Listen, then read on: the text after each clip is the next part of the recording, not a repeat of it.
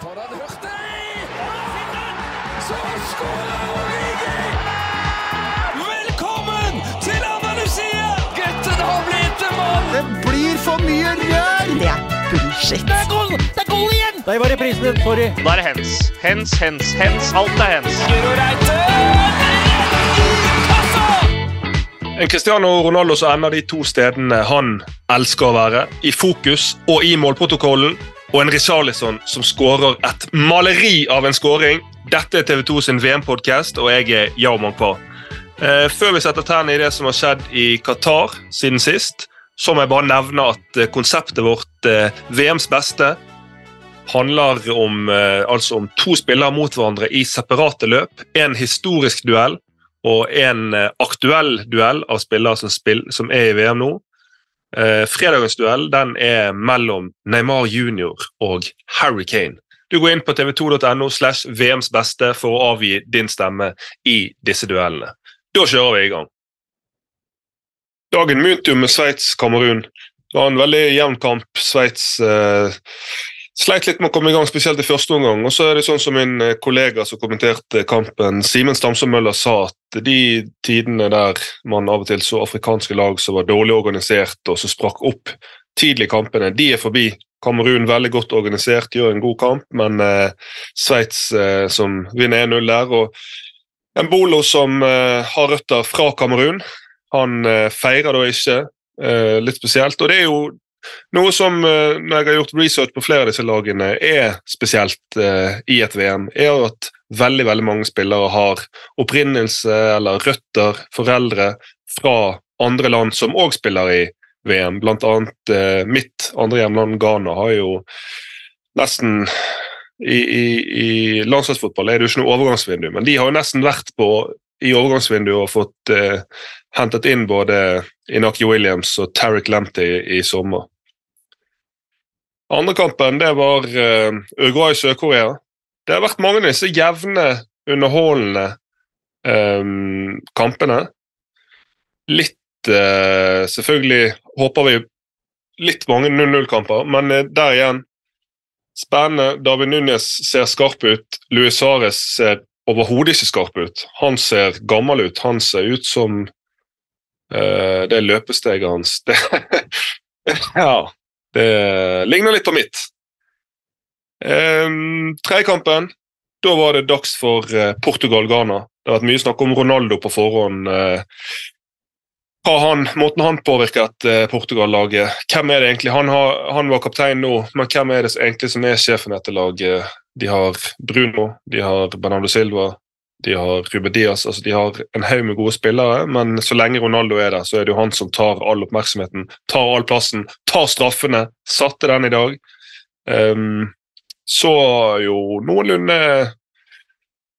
Ja, han um, misset jo på noen av de sjansene han fikk, selv om uh, det var et par offsides der. Så jeg tror jeg, altså jeg var ikke sånn superimponert over Portugal sånn som de så ut i dag. Og jeg tror at mot eh, bedre motstandere enn Ghana, så er det en utfordring å spille med Ronaldo. Det er min påstand. Ghana de så vel kanskje litt ut som forventet, la seg veldig defensivt. Litt feig, spør du meg. for fordi at Når du spiller på den måten som de gjør, når de legger seg så dypt og gir motstanderen så mye initiativ i kampen, så eh, er det jo sånn at ja, de fikk et billig straffe imot seg, men da åpner du for at det blir så mange situasjoner at til slutt så får motstanderen et eller annet. Så, men det er mye mer underholdende andre omgang, og det ender 3-2 til Portugal. og Da ser det jo allerede greit ut for eh, Portugal, og veldig veldig vanskelig for Ghana. Jeg tror de skal slite både mot Uruguay og mot Sør-Korea. Da er vi inne med Arild S fra Qatar. Og jeg eh, må jo si at jeg husker bildene av deg Arild S, når du ble tåregasset på Stade France. Så jeg var rett og slett litt bekymret for deg nå når du skulle ned til Qatar. Du havner jo ofte i begivenhetenes eh, sentrum, så, men så langt ser det ut som det går bra. Ja, det er bare kjærlighet. Det var, det var jo eh, midt i begivenhetenes sentrum i går òg, men da var det bare klining på Courtois, så det, det er litt hyggeligere, da. det er jo bedre det enn tåregass. Hva var det som skjedde da med Courtois? Nei, han sto, vi, vi, skulle egentlig spille inn det som heter sånn live on tape, som betyr at vi jukser og later som at vi er live og bare spiller en liten snutt, som de bruker i studio. Eh, men da vi sto der, så kom Courtois, og da, eh, da fikk vi jo full tenning, og de fikk det hjemme i studio, for de så bildene av at han kom og sånn, så da kastet vi oss rundt og kjørte en, en live, og da, da var han Fordi det var ganske mange belgiske familier og sånn der, da, for De Bruyne hadde vært der litt før og hilst på familien og sånn, og så kom, eh, kom Courtois, og det var vel dama hans og kanskje faren eller et eller annet sånt. Det så i hvert fall ut som at det var faren eller stefaren eller et eller annet tok han en uh, lang prat med dama og hviska og tiska litt. og ja, Virker som en uh, skikkelig loverboy, han uh, Men du skal jo være nede i Qatar hele VM, og du sjøl er jo en loverboy som har en skjønn kjæreste hjemme i Oslo. Kjente du litt ja. på det da når du så at Courtois kunne kysse litt på damen sin? Jeg savner Vilde skikkelig mye, så det, bare, det, det gjorde jeg. Åh. Det, det, det, svei litt i hjertet, rett og slett. Og Du snakket med flere av disse belgiske stjernene, bl.a. Eden Hazard. Eh, så har jo en av VMs store snakkiser så langt vært disse One Love kapteinsbåndene. Og det fikk du snakket med han om. Hva var det den samtalen gikk ut på? Det var, det var jo Han er jo Azar, i hvert fall sånn som jeg har inntrykk av han, så er jo ikke han den aller, aller mest uh, samfunnsengasjerte kapteinen av de som uh, er i de syv lagene som har dette kapteinspinnet.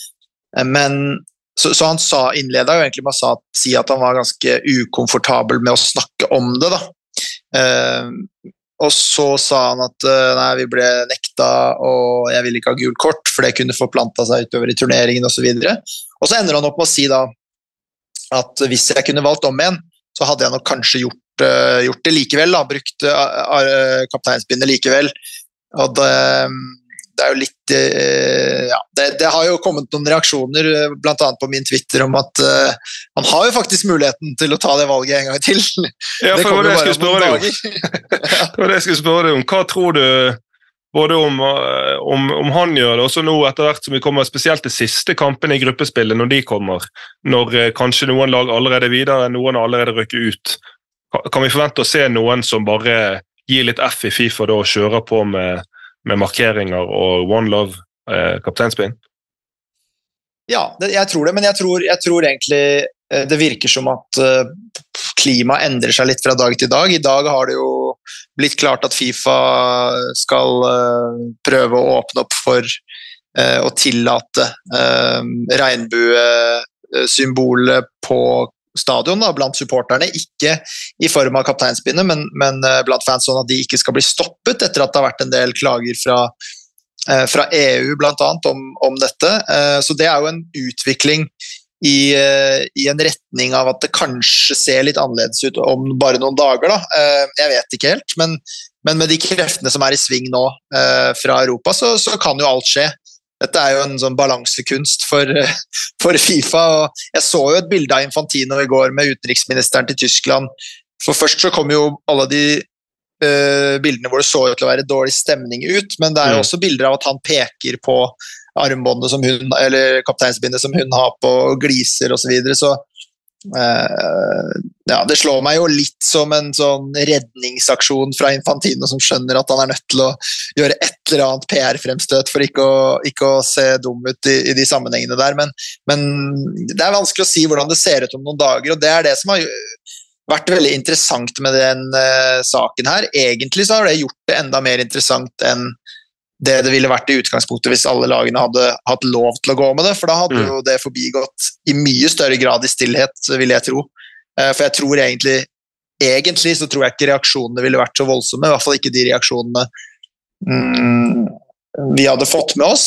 Og så, og så ville så, så, Fifa har jo på en måte litt skapt et monster, eh, paradoksalt uh, nok. Ja, de har det. Nå, nå kan vi lese at disse her eh, kapteinsbåndene blir jo solgt eh, til andre enn kapteiner òg, og de er utsolgt og hot property. Så, men sånn som jeg ser det, så er jo for det blir jo veldig mye fokus på selve disse kapteinspinnene, og, selve, og kanskje lett å tenke at det er litt sånn fjasete at er det så viktig, men det handler jo om at dette her er et symbol for å vise at fotballen er for alle. For, for homofile, for alle eh, typer mennesker. Og det at det skal nektes et såpass åpent og inkluderende symbol, det er vel det som gjør folk eh, forbanna.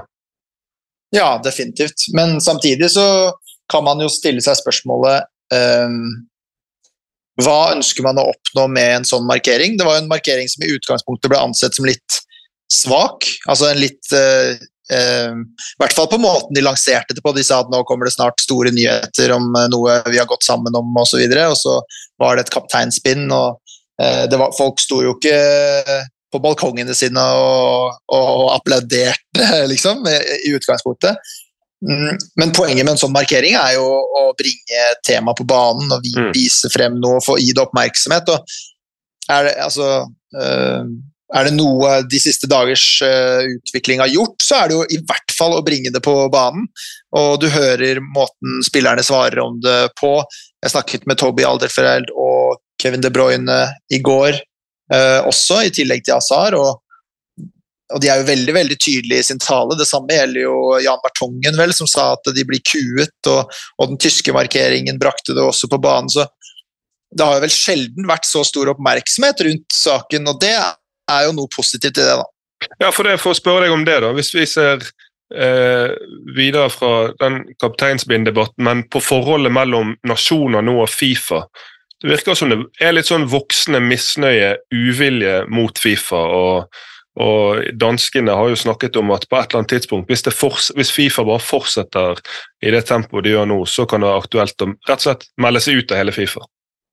Ja, det, det er to sider av den saken. Den ene er at hvis det er snakk om støtte til Fifa-presidenten, så er dette her en fislesak i form av at fire land i hele verden som ikke har uttrykt støtte for Infantino.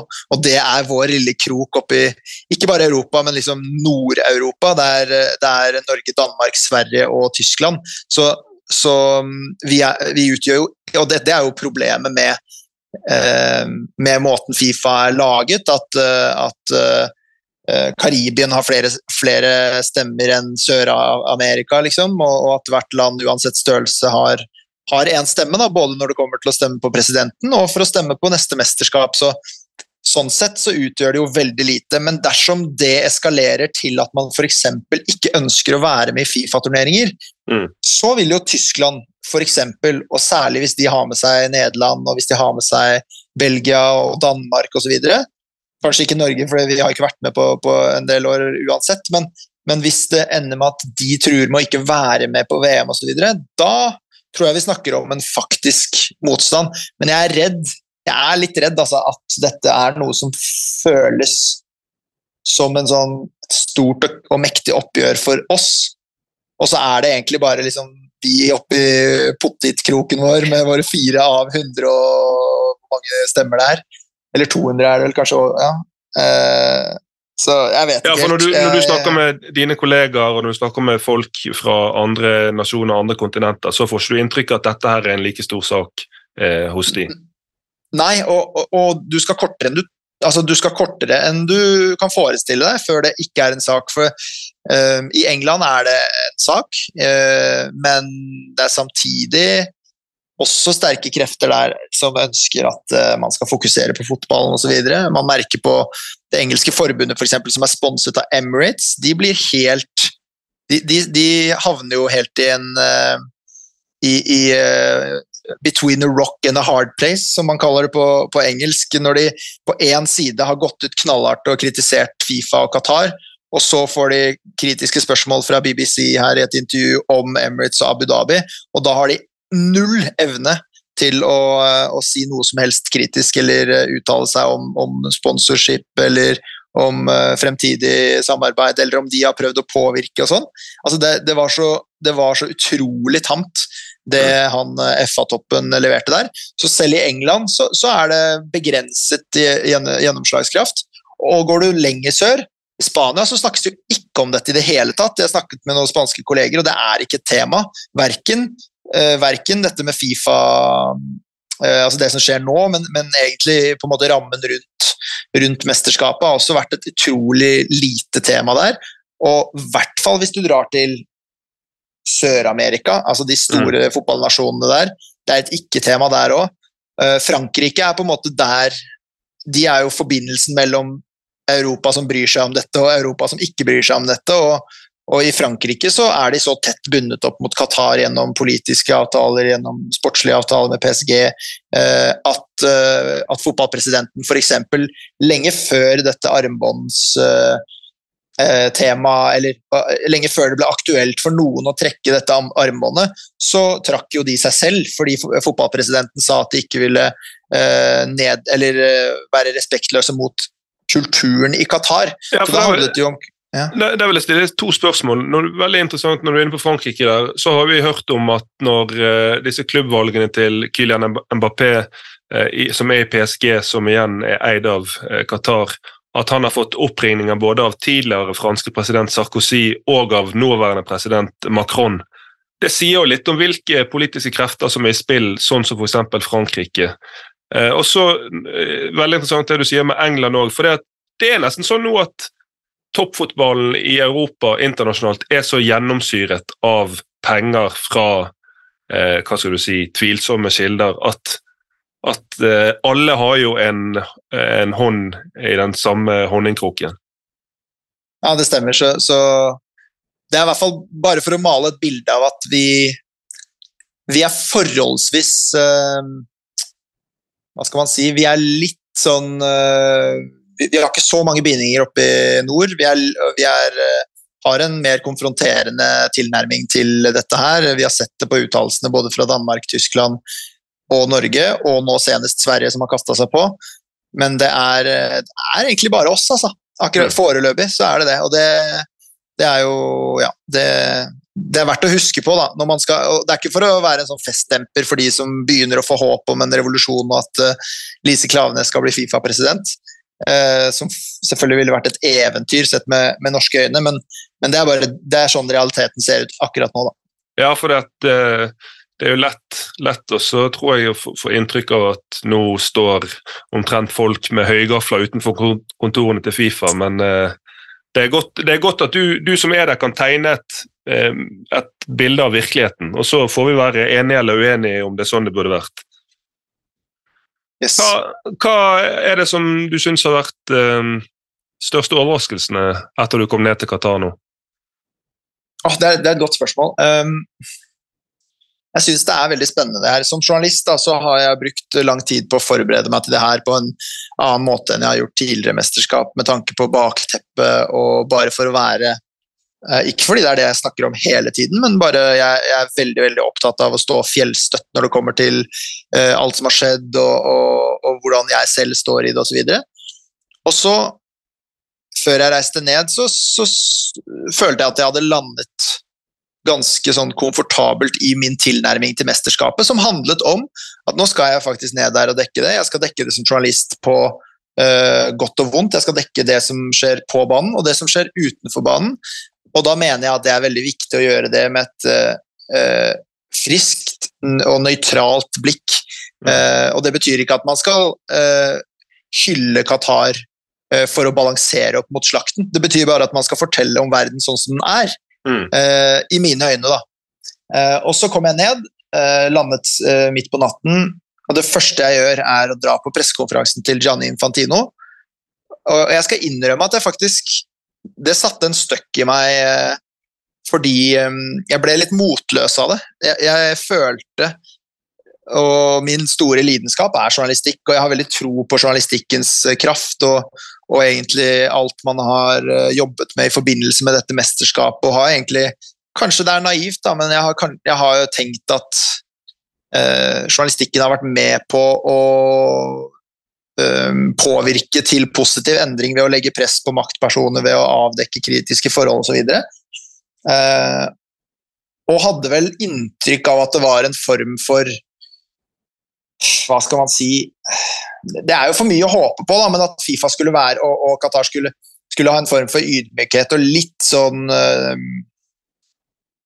selvgranske At de har liksom i hvert fall stilt, noe, stilt seg noen spørsmål osv. Og, så så var det bare en sånn pressekonferanse og en retorikk bare helt blottet for uh, verken ydmykhet eller uh, Eller liksom Ja, jeg bare men, altså, det, det satte en støkk, ja. I forhold til Infantino, der, den talen som er såpass merkelig og ekstrem og Er det, altså, er det fordi at han lever i et ekkokammer med ja-folk? Er det fordi at han Det er bare for å tekkes de rikeste landene i Midtøsten, eller eh, er det fordi at han bare er en enkel fyr? Er litt, han, er, han er litt vanskelig å bli klok på. Han er det, men, men eh, da jeg satt der, så, så ser jeg hvor mange hvor mange kommunikasjonsmennesker som sitter på siden i dressene sine med sånne Fifa-logoer på. Det er et voldsomt apparat. Så jeg, jeg tror ikke det der var et eh, Det var ikke noe impulsivt over den talen der. Det der var nøye, nøye, nøye planlagt. Så kan man si Man kan stille spørsmål ved hvor eh, god den kommunikasjonsjobben er, men, men nøye planlagt eh, definitivt. Men det, bare overrasket meg at strategien var å ta et generaloppgjør med kritikerne på en så aggressiv og offensiv måte.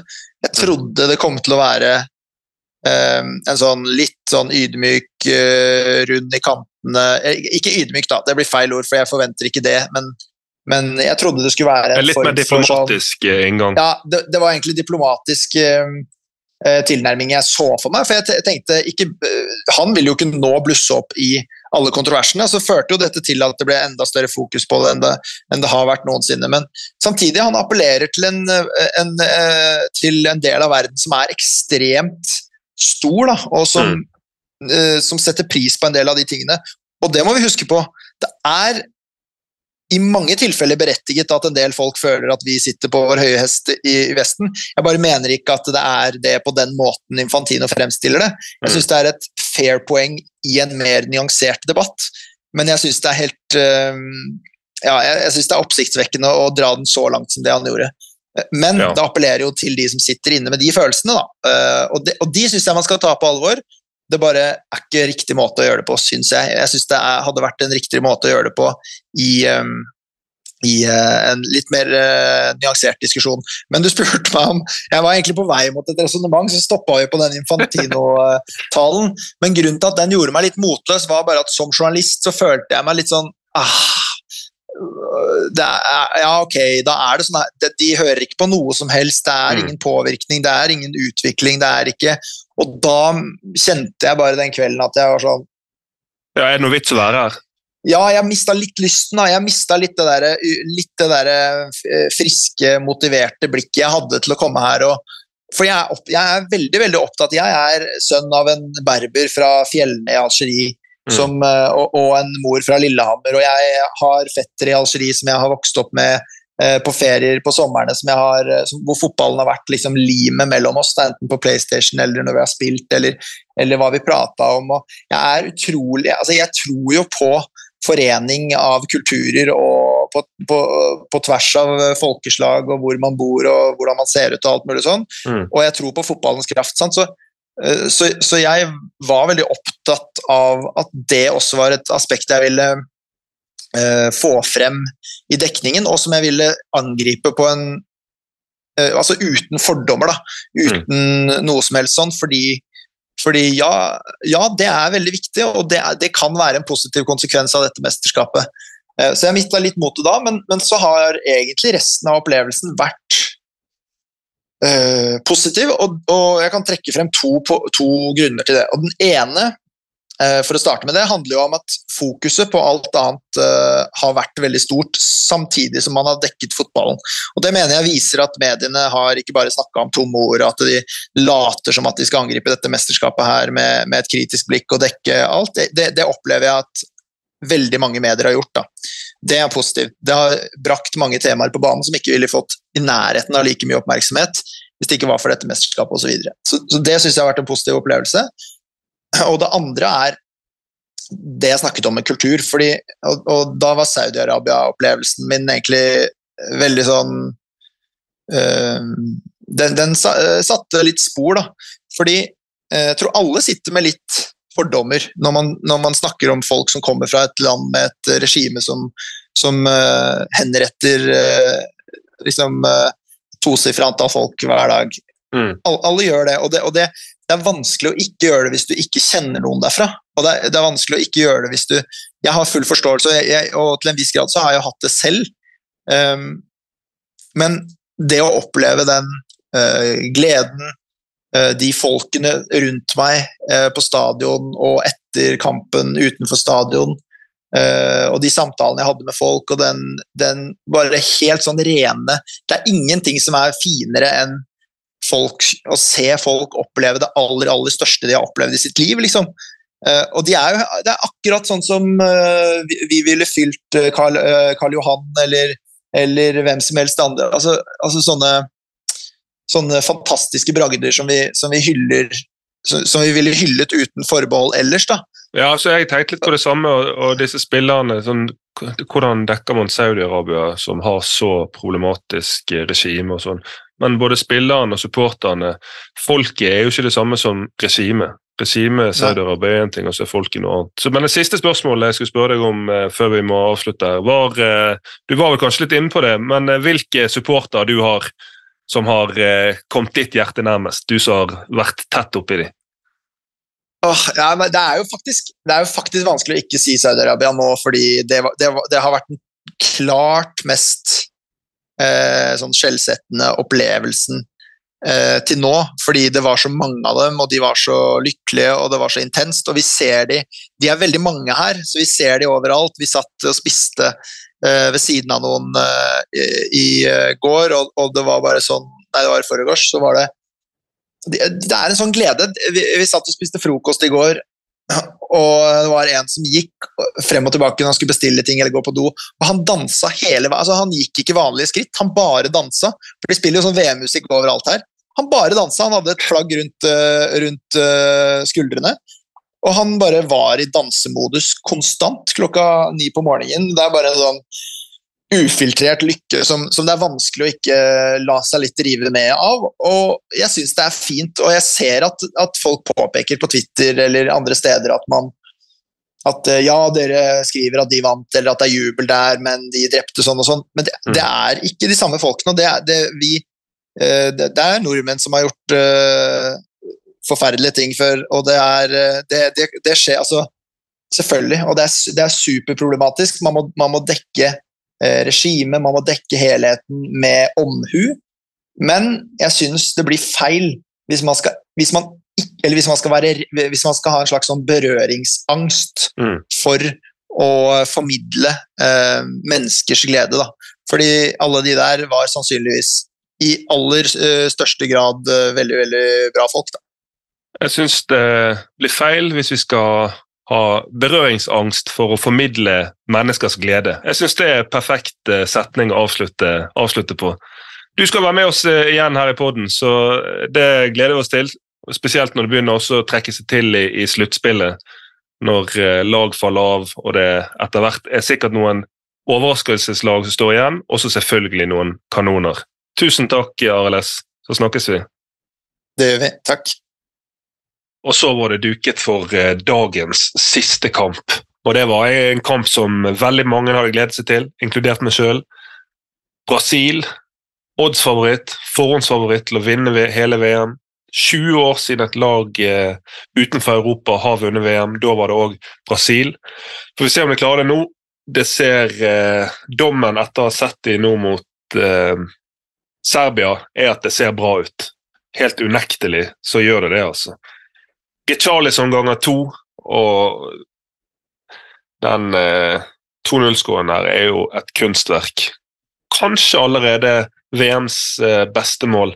Måten han tar den touchet Hvis det touchet der er bevisst å få han opp der for å kunne gjøre det brassesparket, så er det definitivt eh, bør være høyt oppe på listen over eh, VMs beste mål. Og hvis det er et tilfeldig touch som blir litt høyt, som blir litt hardt, så er det fortsatt et fantastisk mål, måten han reagerer på der. Og bare pisker den inn på brasset. Men eh, Brasil ser veldig bra ut. Selvfølgelig At de offensive S-ene ser skarpe ut. At Venitius kan parkere motspiller én mot én på en halv meter, det visste vi på mange måter. Men eh, de ser òg eh, ekstremt eh, gode ut i gjenvinningsspillet. Måten de står etter, de tør å stå høyt. De har brukbart med tempo egentlig gjennom hele laget. Nei, jeg syns det, det, var uh, en imponerende, uh, imponerende kamp av Brasil mot et Serbia som jo er våre, også hjemme i Norge, sine uh, ikke verste fiender, men verste mareritt fra sånn nyere landslagshistorie. Vi vet jo at de var veldig gode mot oss på Ullevål i høst og er et bra lag. Det viste de. Solid lag, bra lag, men Brasil eh, ble rett og slett for god.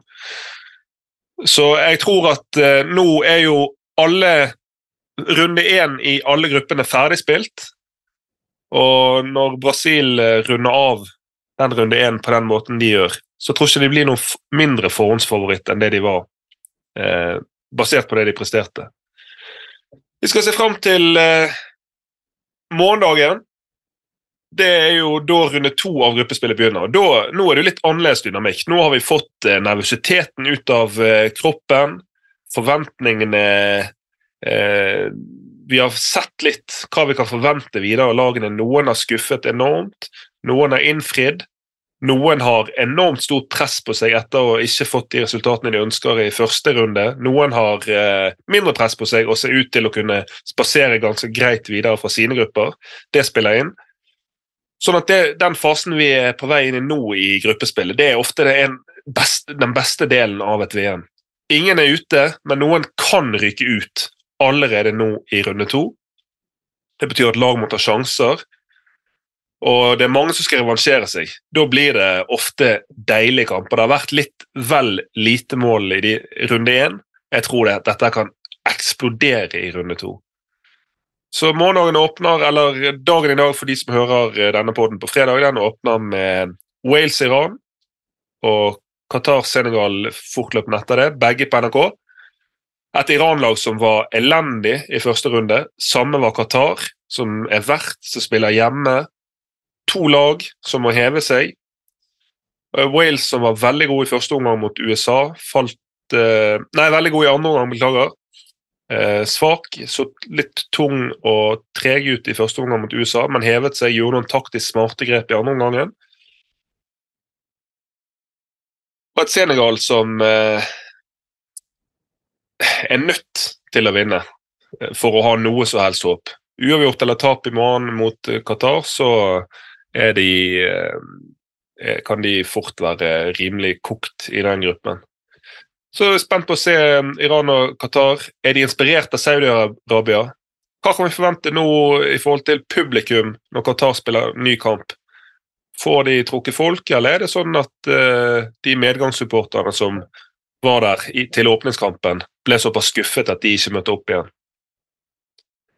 Resten av kvelden er det TV 2 direkte som tar seg av. Halv fem begynner sendingen, fem begynner Nederland-Ecuador. Og det er en reelt sett kampen om uh, gruppeseieren i gruppe A. Og så avsluttes uh, fredagskvelden. Klokken åtte starter England-USA. En kamp med et uh, historisk sus. Og hvis USA kan spinne videre på det de leverte i første omgangen mot Wales, så kan det bli tøft. Det kan bli vanskelig for England. Men selvfølgelig, hvis England eh, Bukayo Saka, Jude Bellingham Harry Maguire fortsetter eh, prestasjonen, viser det samme nivået de viste mot Iran, som jo var relativt svake, men likevel. Så tror jeg nok at eh, England tar, eh, kan ta den seieren, og da er jo de faktisk allerede videre. Og selvfølgelig, som alltid, eh, nå blir det ikke noe eh, kommer ingen episode lørdag, kommer ingen episode søndag, men mandag morgen da venter det en rykende fersk episode der du hører podkast. Da er jeg på jobb, men det er den eh, faste verten Helge som kjører showet. Han har Jesper på besøk. Og, og, så er jeg tilbake igjen eh, skal vi se, fra Episoden som kommer onsdag morgen. Da er jeg tilbake i manesjen. Uansett så er det bare å sende spørsmål til oss på, et, uh, på Twitter på ett uh, to fotballpod. Innspill, alt sammen. Vi skal svare på det. Og så må dere ha en eh, deilig VM-helg til det. Ha det godt! Så skårer Origi! Velkommen til Andalusia! Gutten har blitt en mann! Det blir for mye rør! Det er bullshit. Det er goal! Det er goal igjen! Der var reprisen din. Sorry. Da er det hens. Hens, hens, hens. Alt er hens. Guro Reite!